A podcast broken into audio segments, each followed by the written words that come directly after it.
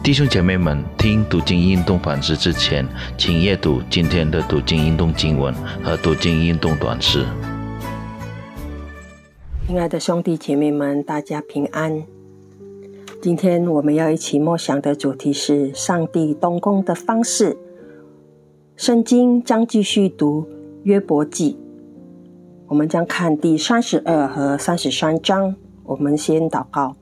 亲爱的主，我们满心感谢你，感谢你的恩典与祝福，感谢你赐给我们这个美好的时间，一起能够来思想你的话语。求啊，求你安静我们的心，预备我们的心，领受你的话语。奉主耶稣基督的圣名，我们祷告感恩，阿门。我们一起来看约伯记的第三十三章的第十四到二十四节。神说一次、两次，世人却不理会。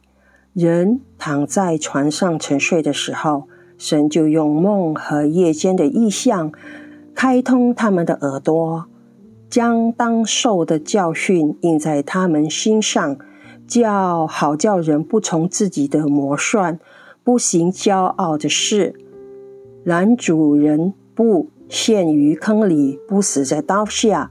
人在床上被制止，骨头中不住地疼痛，以致他的口厌弃食物，心厌恶物美味。他的肉消瘦，不得再见，先前不见的骨头都吐出来。他的灵魂临近坑深坑，他的生命近于灭命的。一千天使中，若有一个。做传话的与神同在，只是人所当行的事，神就给他开恩，说救赎他，免他下坑。我已经得了暑假。兄弟姐妹们，在今天的圣经中讲到以利户，以利户是亚伯的好朋友。他是最后一个发表意见的人。他相信自己，约伯和他的朋友在上帝面前是平等的，都是上帝所造的。以利户也认为，年长的人一般并非自然而然的拥有智慧和对公义的理解，而智慧和。理解的能力，仍是全能者所赐。由于以利户意识到自己是最年轻的，但他觉得自己有权像其他人一样的发言，他便谦卑自己，等候约伯和他的三个朋友之间的辩论结束之后。他才发言。他一边等，一边留心听他们的辩论。他尝试给予客观的意见，不奉偏袒偏袒任何一方。他认为三个朋友都有错，因为他们没有提供任何证据而指控约伯有罪。他也认为约伯有罪，因为约伯自以为意。不以上帝为义，也自以为清洁无过，认而认为上帝以他为敌。以利户尝试回答约伯的焦虑，因为约伯觉得上帝没有回答他所说的话。根据以利户，上帝能够借着各种方式说话。问题是，人们常常没有注意到，上帝能够通过梦境、苦难给予答案，或者接着天使给予释放。圣经清楚地说明，上帝能够使用动物、植物、自然事件、天使或是人类来与他的子民沟通。当我们等候祷告的答案时，我们或许没有意识到上帝的回答，因为我们限制了上帝的答案。我们认为上帝的答案应该符合我们的要求。我们也也有可能没有意识到上帝的答案。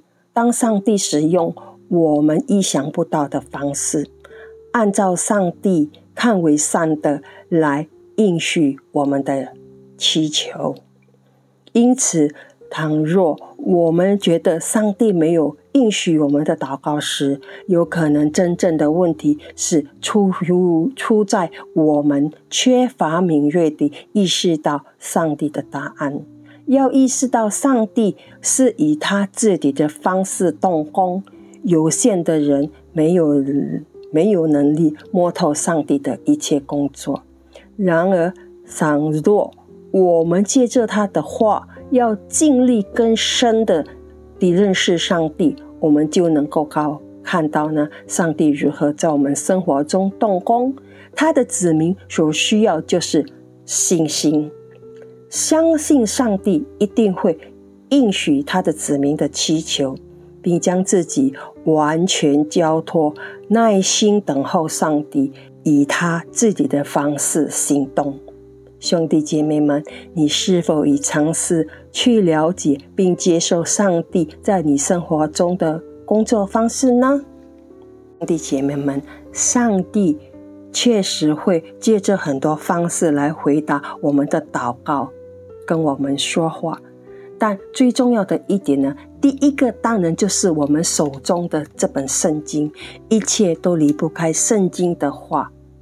虽然上帝能够借着牧师、教师或是生活中的人事物等等来启示我们，但是最重要的，我们要努力的呃阅读圣经，在圣经上，上帝会会跟我们说话。我们将来祷告，亲爱的天父，感谢你透过很多方式来回应。来对我们说话，无论在圣经里、在祷告中，或是在自然中，我相信你总是亲自领导我们要走正义的路，用你的方式来动工。奉主耶稣基督的圣名，我们祷告感恩，阿门。